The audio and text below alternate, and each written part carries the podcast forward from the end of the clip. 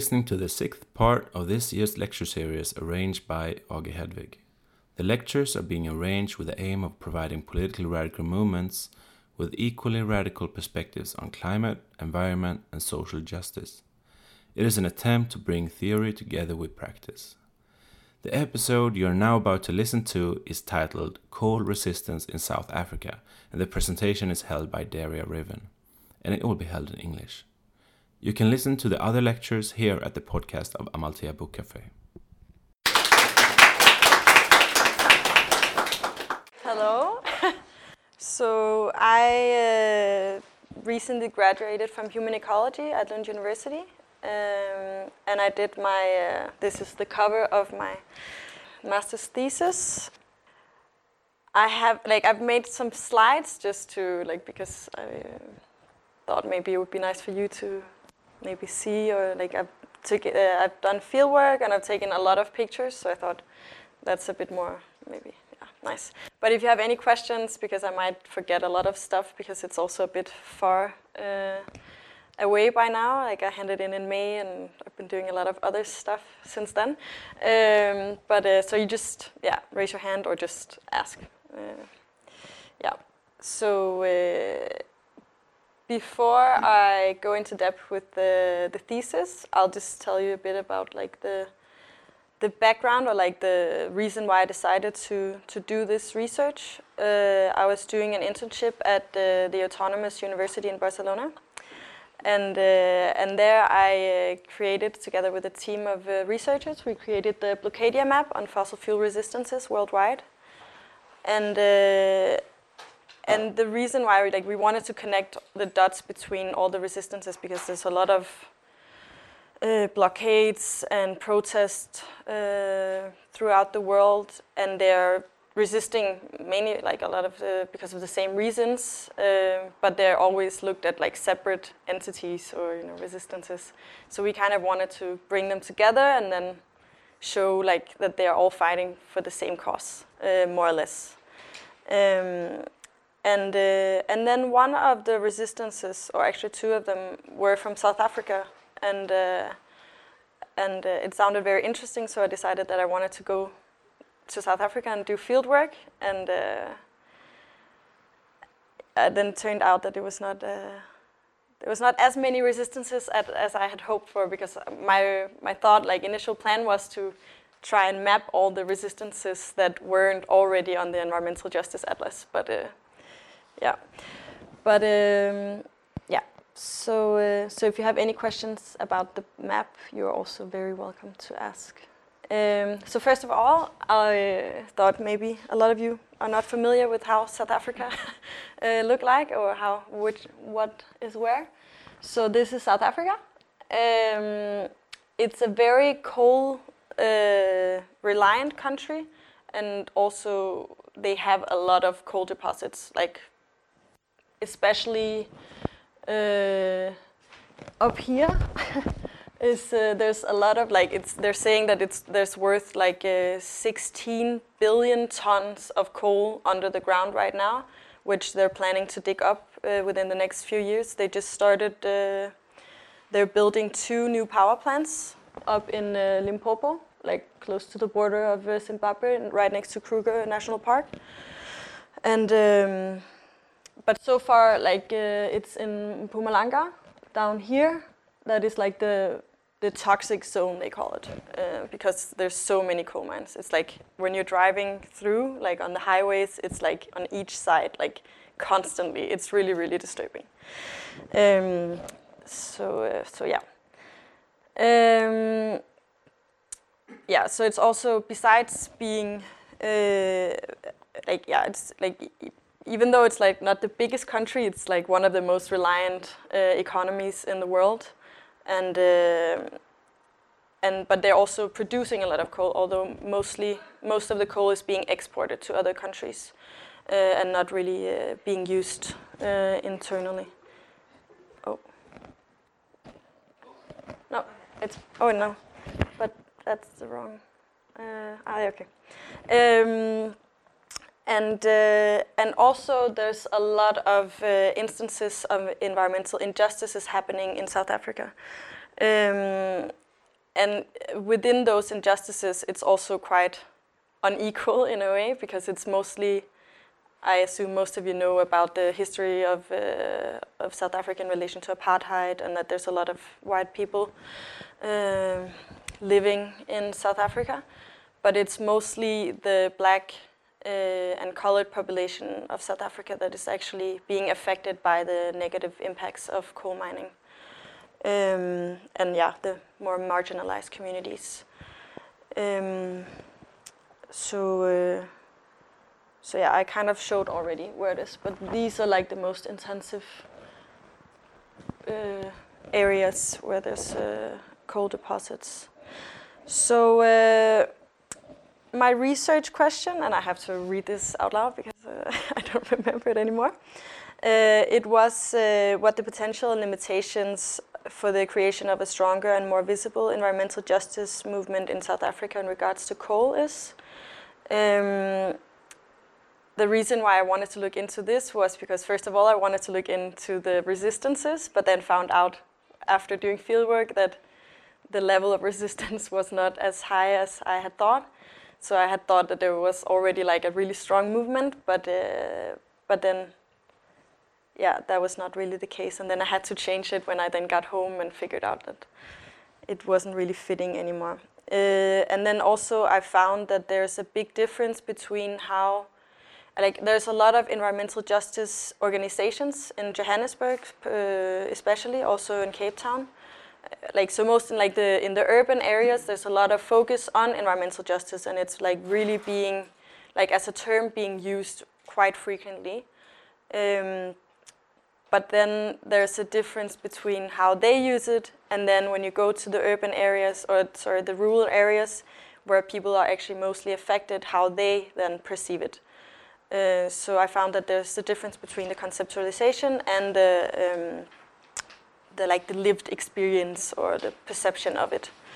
Um, so uh, so I also wanted to to uh, to try and highlight that in my research. And then I found also that there's um, I mean there is a few resistances, and I'll uh, mention that later on. Um, but uh, but there's also a lot of uh, yeah i wanted to look into what the incentives were for resisting because it seemed like there wasn't that many. Uh, so i wanted to like try and understand that better and delve into that. Um, so uh, so yeah. So that's my like how my my master's thesis is like built up uh, according to that. So i did uh, two months fieldwork um, out of three months, more or less, uh, for the whole uh, thesis uh, process. Um, and I started one month in Johannesburg trying to get hold of professors and researchers working with coal and environmental justice and movements, and they had a lot of connection to activists. So I was kind of trying the whole snowballing effect of like talking to someone, and then they were then referencing to me to someone else, and then they, that led me to a lot of really cool activists. And by the end of the the two months, I had done 44 interviews, and I was like a bit overwhelmed because uh, I only had like three weeks to write the thesis, or maybe one month or so. So I was like, yeah, it was uh, very intense, but. Uh, but yeah, it was based on uh, on direct observations. Going to the, I went to a lot of different communities. Uh, like I, I made a map over the the communities I went to, and also the the mining, uh, the coal mines I went to, and some of the ref refineries. Um, also, some of the abandoned coal mines. There's a lot of abandoned coal mines in South Africa, unfortunately, which are not uh, being rehabil- re, re, re, re, re how do you say it? Rehabilitated. That's the word. Sorry. Uh, so they're just left, like, and then people just leave and like, oh, now we stop mining. Uh, we don't, we can't make any more money of it, so we're just gonna leave it. And then it's just too bad for the people living there because, I mean, they just live with a massive sinkhole or, you know, like the ground is just like falling apart under them. Um, but uh, so yeah, I went to, I drove through. Um, I think in the end it was like 2,000 kilometers, 4,000 kilometers, uh, because I felt like I needed to really understand what was happening and get as much as uh, empirical data as possible. Uh, so I went to the Free State and Gauteng, which is like where Gauteng is the the region where Johannesburg is, uh, with, which is the capital, uh, and then Mpumalanga, which is the toxic zone, and it's like the Highveld, so it's like a bit higher up. So like all the toxics and pollution from the mining industry, so like the coal mines, are then like really hitting the the people living there, like really like a lot. And then down here, there's also in KwaZulu Natal, next to the the coast, like a bit further down, there's like the biggest coal uh, harbor in, uh, I think, in the world, uh, which in uh, in Richards Bay.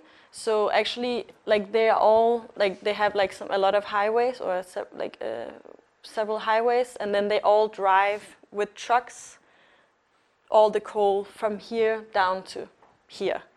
Um, so a lot of like the infrastructure is also like not that good. Uh, some some of the places because the trucks are so heavy and yeah. Uh, so this yeah that's also very bad. Uh, just very quickly, uh, if anyone is interested, I'm not gonna make this theoretical at all because that's I feel it's not really the the time or the place for that. But uh, but in order to like conceptualize and understand my findings, uh, I, I use the theory of environmental justice, which is of course also a movement and it's a frame and it's a lot of different things, which also made it a bit difficult to actually call it a theory because it's it's just like a yeah a, a term that can be used for many things and but it's also a way of of, of looking at the violations and injustices and then trying to conceptualize them and put it in a framework. Uh, and then I use the theory uh, of uh, environmentalism of the poor, languages of valuation, and carbon lock-in. And uh, if you want me to go into more depth, you ask. Otherwise, I'm not going to say more about it for now. Uh, carbon lock-in is actually a theory that is mostly used um, when talking about econ- like uh, that an economy is locked in uh, because they're so reliant on coal or other fossil fuels. Where it's like the investments in, even though, for instance, it's cheaper to invest in renewable energies, it's easier or cheaper for them to just continue to invest in carbon uh, or like fossil fuels. Um, so that is what the, the like the South African economy is like severely trapped in a carbon lock-in because uh, the the the government owns all the all the power plants in South Africa. So they of course has the interest or have the interest to continue investing in coal mining uh, or like coal mines and uh, Sorry, you had a question? Yeah, uh, can you talk a bit more about languages of valuation? Yeah. Um, yeah. It was, I used it because um, the, for instance, mining companies, of course, value profit. And they have, ha, have one way of depicting the world and like what is important and uh, what they value in a way whereas the mining uh, the mining uh, affected communities have another value. Uh, so like it's kind of like a clash where it, it could also be maybe seen as a way of like social constructivism or something like that, where it's like you construct your world, I construct mine. Like who's right? Like I mean, both our realities are in one way real. Uh, so I used it to show how it's like the same thing that they're talking about or like trying to yeah but but it's like uh, valued in different ways and also yeah. But I, I, I, I'll admit that I had a bit hard time of like I just set my mind like I'll use these theories kind of and then it was also uh, I think that one was a bit difficult to also really use because there's not that much written about it and it felt like it was more like a, an experiment for myself, I think. Uh, but it is an interesting theory, I think. Um, yeah, so now I'll talk a bit about the mining affected uh, communities that I went to. And the, I mean, the interesting thing is also, I don't know if you've heard about the, the theory of, um, what is it called? The environmentalism of I don't remember, like when it's the workers who are actually the most affected. Um, and I wanted to also do research on that because I think it's, I mean, often the people who are working in the coal mines, they don't have a choice because often they work there because maybe they need money or like there's a lot of reasons behind it, but they're not allowed to resist because they often sign contracts saying like, uh, in case something happens, we cannot tell anyone about it. So, uh, so they're basically forced to to be quiet. Um, so, for instance, in this picture, it's not that good quality here, but like there's a community here. There's like a electricity, like a power grid here. Then there's a coal mine here. Then there's a power plant here, and they don't have any electricity uh, in the community. Um, and that's very common. That both for the the people working in the mines and also the people living in the communities next to mines that they don't actually have any access um, to electricity. And uh, and often they cannot say no to mining because uh, I spoke like I so I, so I interviewed uh, a lot of professors, uh, NGOs, uh, mining affected community members where some of them were also coal mine workers. Uh, but I, I just kind of divided it between the people working in mining, uh, with mining, and then the people who are like more or less unemployed or working with other stuff than mining. Um, and then a farmer.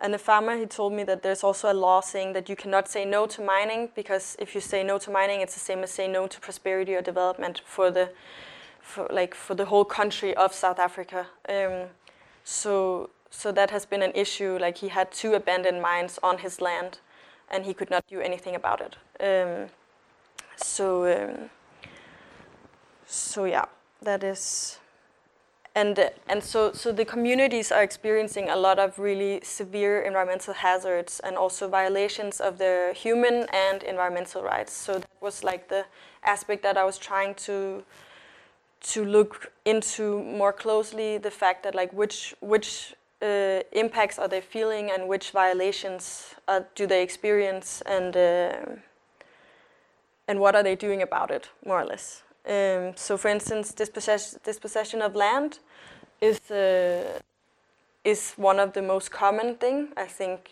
now I don't remember how many percentages of the interviewees, but I think it was at least 50% who had been dispossessed from their land. And what they had done before was that people had been very reliant on their land.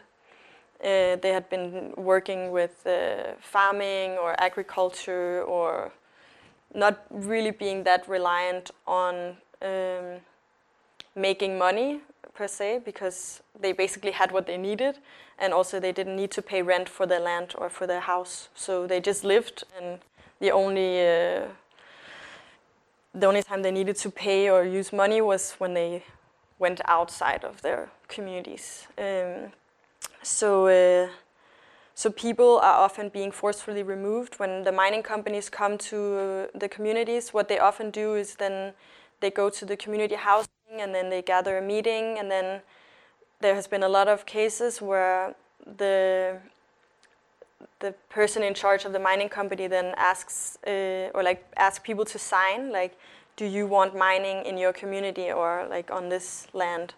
And then often people have said no but then they have also had to sign in when they came to the meeting and then they have just like forced their or like uh, forged their signatures to the paper of them saying yes to mining. Um, so that has caused that uh, a lot of people have ended up with uh, with mining on their land without actually wanting it. Um, and uh, and then of course they're also being uh, promised a lot of compensations and a lot of good things coming with mining because a lot of, of course, when a big industry is coming to your area, it will bring prosperity and growth, and it will be, bring infrastructure and jobs and all these things, development.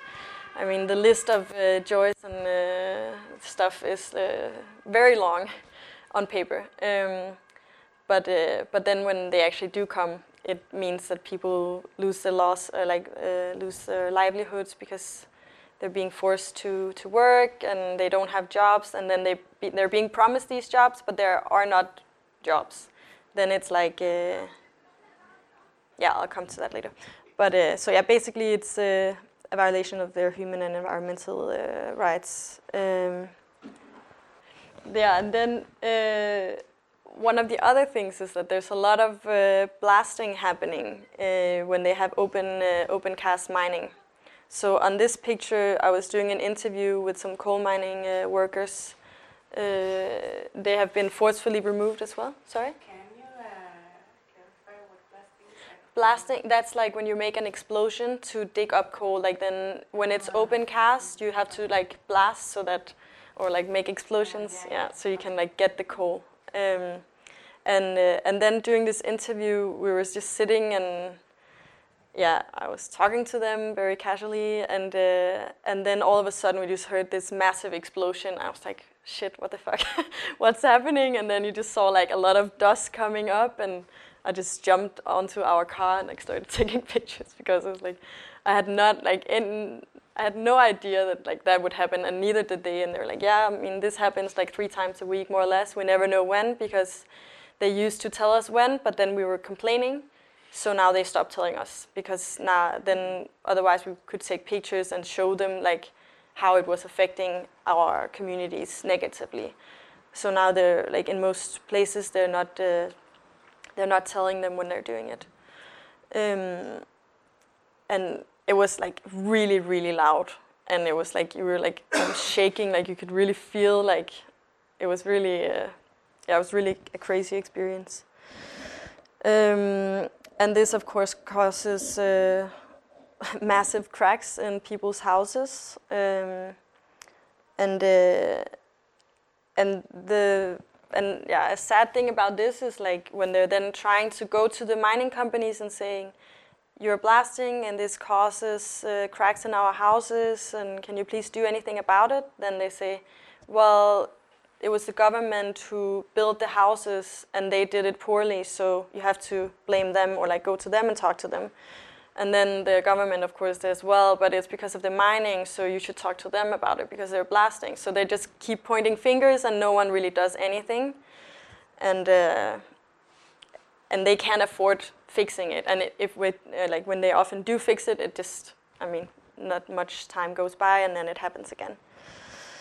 Um, and yeah, as I also mentioned earlier, like uh, there's a lack of electricity. Like in this, uh, like here, they like have just a big pile of coal that is being provided by the mining company to them, so that they can burn coal outside. Or a lot of people also do it inside their houses, but it's like it's very very polluting and it causes a lot of uh, severe health issues and problems. And I mean, it's it's just sitting outside it was really like my eyes, you know, it was burning, and you know, the throat was just like completely clogging together, and it was just horrible. And they do this like several days, several times a day, just to get heat and like for cooking and stuff like that. And uh, yeah, here it's like the mine is here, and they also have no electricity, and so they have to like dig for coal to to get it for their households. Um, so uh, so yeah, it's very uh, harsh. And then uh, of course there's also a lot of uh, coal dust related to uh, when they're blasting, and also just in general because. I mean, there's wind and whatever, and then every time it like they're trying to suppress it. Actually, the mining companies are like uh, they have uh, like big trucks which are coming and like suppressing the the uh, the roads so that the dust is not spreading too much. But they only do it. Um, they're only doing it during the day, I think he said. Uh, so at night, that's when it's worse because then it's always coming in when they're sleeping, and then like no one really does anything about that. Um, and it also affects their cattle, like uh, because they're drinking the water which is outside, and then when there's coal dust in it, they uh, they get sick, and yeah, so this uh, and also it's damaging damaging the crops, and uh, and this is actually a picture of uh, of a. Uh, a community in KwaZulu Natal, which was down here, where this community have never said yes to mining. Uh, so this mine is, I don't know if you can see it, it was really bad weather that day, but there's a mine here which is actually on the, in the community on the other side of the river uh, in Somkhele where they said yes to mining in 2006. But then the mine has just like gotten bigger and bigger and then now it's basically on their territory or at least they're feeling all the negative effects um, from the mine, um, which has caused like a severe droughts and a lot of really bad things. And then there's also the issue of abandoned mines, where, like here, this uh, mine has been burning under the ground for the last uh, two years. Uh, so like all the dirt uh, like the ground underneath has just been like because there was coal underneath so now it all burned away so now it's like become ashes so the ground is just like sinking and lowering down and they can't do anything about it because they can't like stop the fire um, and then there's also a lot of sinkholes like here where like a lot of children are swimming in it but it's full of uh, acids and toxics and you know it's really really uh, really bad um, and uh, and then yeah, like here is like a, a, a mother with her like two year old kid or something like digging up coal to take to the other side of the street. So um, so yeah, so there's a lot of really negative uh, effects of coal mining, uh, and often it's really. Uh, yeah, it's it's mostly affecting the people who are already very poor, who cannot really do much about it, and uh, and often when they then do go to the mining companies and complain and tell them like you're because you're mining you're doing all these things to us can you please stop or whatever like demanding something then what often happens is that the mining companies change their name. They first they'll be like yeah of course we'll uh, we'll note it down and we'll uh, we'll do something about it and of course it shouldn't be like this. And then a few months later like or sometimes even a year and they have still not done anything about it then when the community members then go up again and like say hey you promised you would do something what happened and then it's like yeah but now we're another company so i'm sorry we cannot help you anymore and it's the same people working there they just changed the company name so that it's like now legally you can't really do any or sue us because we're not the same company anymore. Um, so, uh, so, so that uh, leads to the the resistance in South Africa that I found was actually lacking in the rural areas because I think people have really tried for many years to resist against the the environmental bads, as, uh, as they're also called, and uh, but without anything happening. So, so what I found was that there was a, like a tendency of apathy where people kind of just like a lot of the interviewees were just like, yeah, I mean, what can you do? Like, so like leaning back, like, yeah, we can't do anything. So, what's the point? I mean, it's also energy, or like it, it takes a lot of their energy to continue to try and resist when no one's hearing them or like taking them seriously.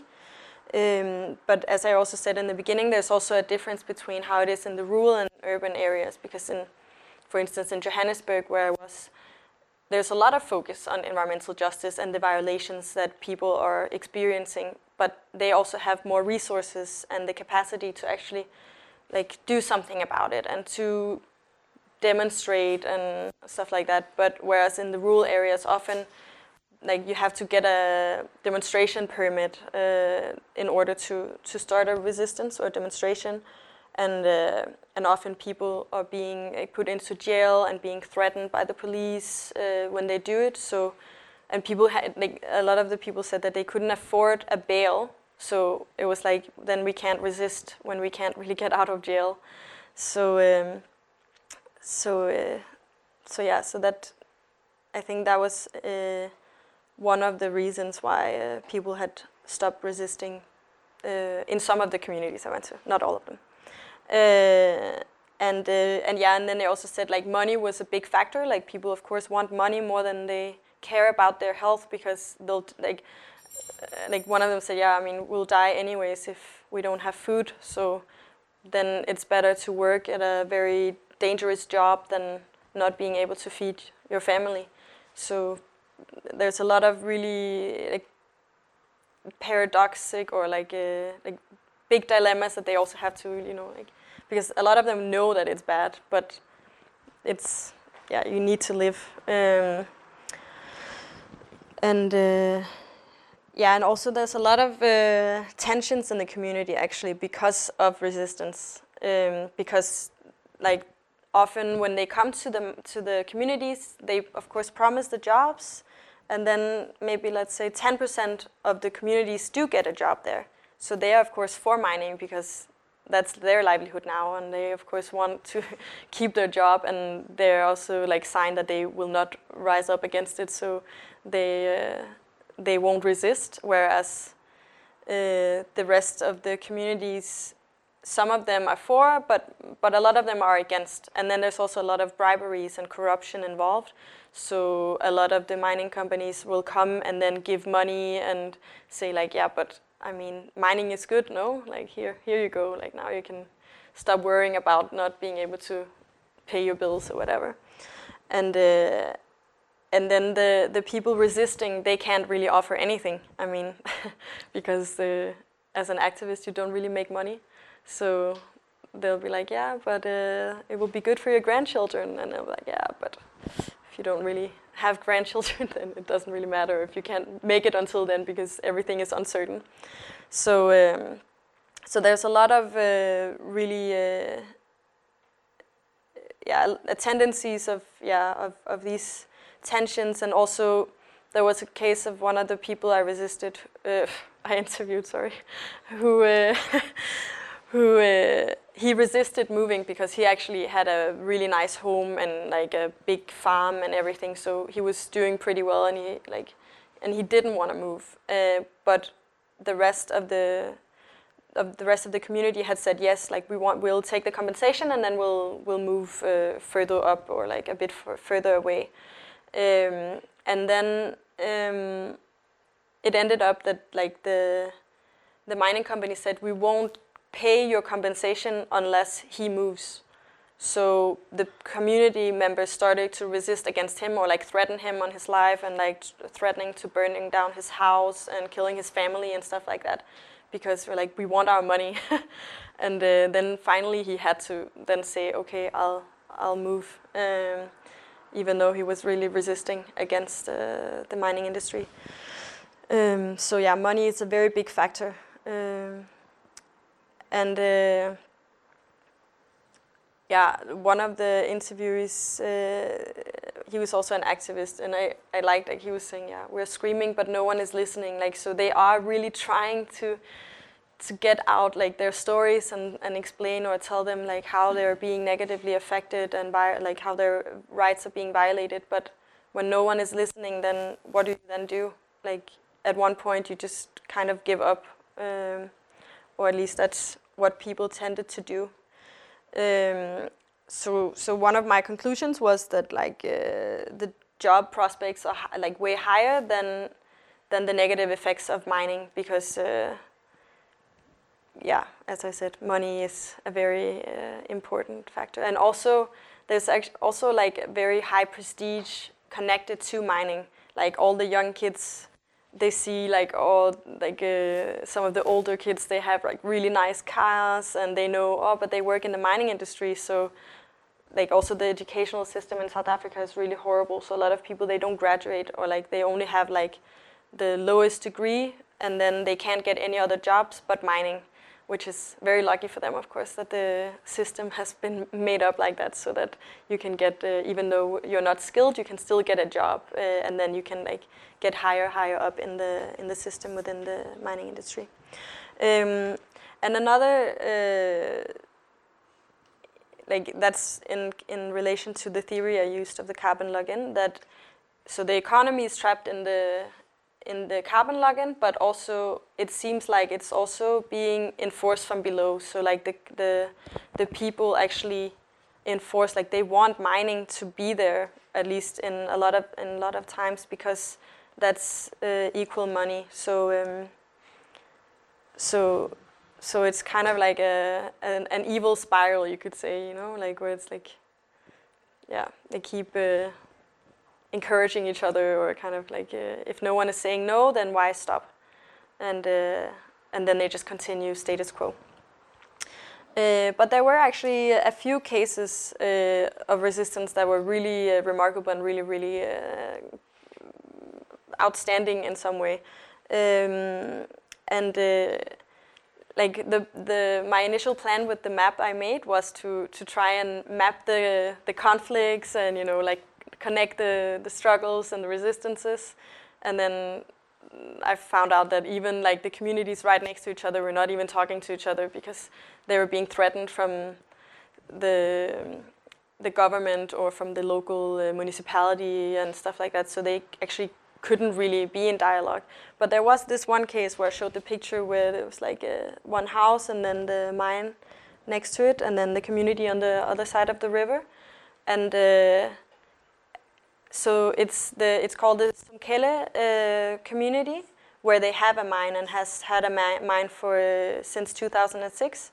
And then there's Fuleni community, which was the one I put in the Blockadia map and uh, and that was like the initial reason why I went to South Africa. So uh, I was very interested in going there and seeing like, so are you really like demanding to keep fossil fuels in the ground, and is this like the the discourse that that is present here? And they were like, yeah, not really, but at least we don't want mining here. so it's like, okay, fair enough. That's uh, and then he said like, yeah, I mean, if God uh, wanted mining to happen, uh, he would have put it uh, over the ground and not under the ground. So yeah, it should be left in the ground, he said. Like, okay, that's that's also fair enough if you say it like that. I mean, uh, that's not really how we uh, frame it back home, but I, I also think it's yeah, it makes sense. so, but um, but they have then learned like okay, so they were promised these jobs, they were promised prosperity, they were promised infrastructure, and all these really positive things coming with mining, and none of it really happened uh, they're they're basically left worse than they were before. So uh, so now they have this strong case of uh, of resisting against the mining company, which is now trying to to start. Like they've been prospecting and like applying for mining rights for since 2014 and the community continues to say no we don't want mining here. And uh, and now they're actually uh, they're they've taken them to court and uh, the mining company and like saying we, we don't want mining and we continue to say no to mining. And uh, they lost uh, last month to uh, the uh, national what do you call it? Uh, not the high court but the one below that. They lost that one. I don't recall the name. But now they're going to take it to the high court where they they they think they will win, but of course they're not really sure.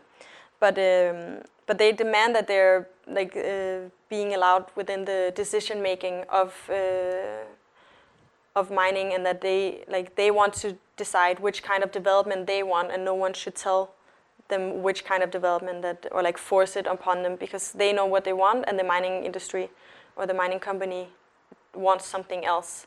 Um, so. Uh, so yeah, and then this is actually it's not related to coal mining, but it's um, uh,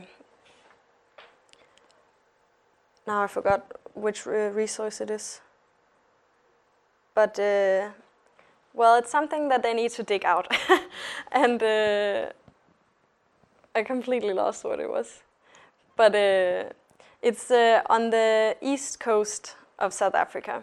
So you remember, like uh, then KwaZulu Natal was here, and Richards Bay, the coal port, and then further down here, there is uh, the community called Kolobeni. I don't know how to say it, but I just say Kolobeni, and uh, and they just won against the mining company. It's an Australian uh, mining company who wanted to start extracting uh, their natural resources, and they've been fighting uh, against them for now 20 years, saying no to mining, and they keep trying. Like they also work with the, there's a like there's three government or like uh, like most uh, South African uh, communities they have a traditional leader.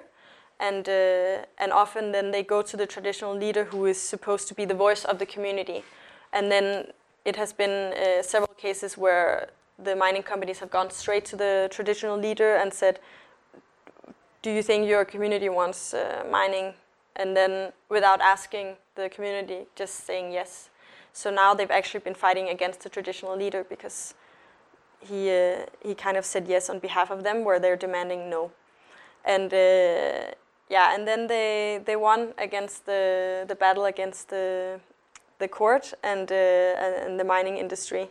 And uh, and it's like I think it's very like a very historical example because it's not really that often that a community wins over a mining company, and uh, and especially not a transnational corporation like uh, the Australian mining company, and uh, although also there's been some negative uh, tensions involved as well because now like a lot of the people who have said yes to mining, they are now like the like families are being split because maybe someone's mother is for mining whereas the son is against mining and then there's a clash within families so now people are like more like uh, collecting again like uh, according to like who's for and who's against mining and that's that's that has caused a lot of uh, negative effects as well but at least now they have said no and uh, demanded to the right to, to say no, which is really really cool. The, where or when? It was uh, end of the uh, end of November. That That uh, one also. in Holobeni. Yes. Yeah, I didn't go there. I I went to South Africa mid November this year as well to go back and uh, I, and I met a lot of the same people I interviewed uh, when I did my field work. And, uh, and then I, I interviewed this person as well, who is in the Amadiba Crisis Committee, um who are fighting for the right to say no to mining. and uh, that has uh, that has kind of uh, led to a, a global campaign called the right to say no to mining and the extractivist economy or extractivist economies, um, and also demanding then like when when you're saying uh, when you're saying no to something, you're saying yes to something else. So that also means that people need to also start thinking about alternatives to the fossil fuel industry and what is it that they actually want. Um, and uh, yeah, so that's. Uh, but but but what they're focusing on in Holobeni is uh, um, environmental agriculture and tourism and like ecotourism and because they live in beautiful areas right next to the coast and they have so many beautiful resources and natural landscapes. So they want to then focus on tourism but do it within the limits of uh, of like what the environment allows and uh, and not like uh, take advantage of it more than necessary at least. Um, so uh, so yeah so that's really Yeah, I, I think uh, the reason why this is a very strong uh, strong example is um, they have been really really good at uh, collaborating also with uh, with some NGOs and uh, and they have gotten a lot of like they have gotten really far out like a lot of like support as well and uh, and they have and they have showed how they do not need mining in order to make money because they're actually doing really well without the mining company being there and uh, and yeah, so they're so so they've shown like this is the development we want. We don't want the one that you're saying that we need. Uh, they've also said that yeah, but we'll build this highway so that you can easily go from one like from your community to other places. But then they're basically just building it, I think, towards the coal harbor and they don't need to go there. I mean, they would like to go to the hospital and they would like to go other places, but they don't really need to go where their uh, the mining companies are offering uh, to build roads and infrastructure. Um, but uh, but I think also because they've demanded it for so many years, like they've been very persistent, and we don't want mining here, so like we're not interested. And uh, and they even put it in the in court like they put it in the bill like i think the demand of like the right to say no. So now that's also going to be a very big challenge when that's going to be in the bill like uh, that that people has have this right because how will you then argue against people's right of saying no? Uh, so i hope that like that will also be uh, kind of uh, that the ball will be rolling now for, for other communities to come who are demanding the right to say no. But but of course, I'm I'm not sure if that's that the case. But um, yeah, so right now I'm working on the right to say no campaign in Copenhagen. Uh, we're working with uh, it's under the campaign called Development for. I'm not sure if it's whom or who. Uh, I asked a friend who is uh, from UK and he didn't know, so I think it's fair if I don't know either. Uh, but now I just wrote this, so uh, to be on the safe side, I don't know. but uh, but uh, we're trying to connect resistances worldwide and show, like kind of what we did with the Blockadia map, basically, but also uh, of course, there's a difference between how we do it in Denmark and in the West and how they do it in South Africa and the global South because we're focusing on very different things. I mean, we don't have mining companies coming and threatening our livelihoods in uh, in the West, or uh, in some places, yeah, but in Denmark, no. Also, we're like, uh, yeah, in Denmark, no. I'm yeah, I'm talking about it yeah, from from our perspective at least. Uh, so what we're trying to to focus on is like who is the development benefiting, and uh, showing that, for instance, as consumers in the West, we have a say in how our actions affect other people and countries, um, and that everything is interlinked and intertwined very uh, deeply. So you also have a say in like do you want to support this uh, this like the extractive industry or not? And uh, and then we're focusing on um, on on trying to connect these resistances. When i went there last month i did more than 20 interviews with a lot of with activists from all over the world. Um, and uh, and people are doing like more or less the same things, but the alternatives are different because you also need to have the alternative according to which resources or possibilities do you have where you live and where you are and um, but but I think the the the most inspiring thing was or like that I think a lot of people are not thinking about when when just demanding the right to say no is also yeah but you then say yes to something and you need to be very sure what it is you're saying yes to.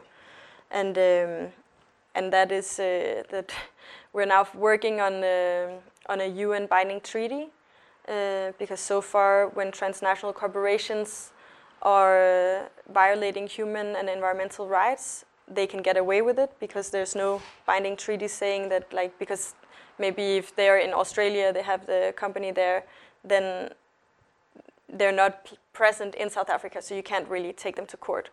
Uh, so they just get away with all the violations. Um, so uh, so we're working on uh, trying to get the corporate power down, and you know, trying to to also show how our investments from banks and pension funds that like you need to have a sustainable bank because the investments that your bank makes has like often like a lot of the banks are investing in fossil fuel industries and really in war and I don't know a lot of like really bad things uh, and environmentally negative things. So, so we want to give the power back to the people and like actually make them aware like your actions have a lot of uh,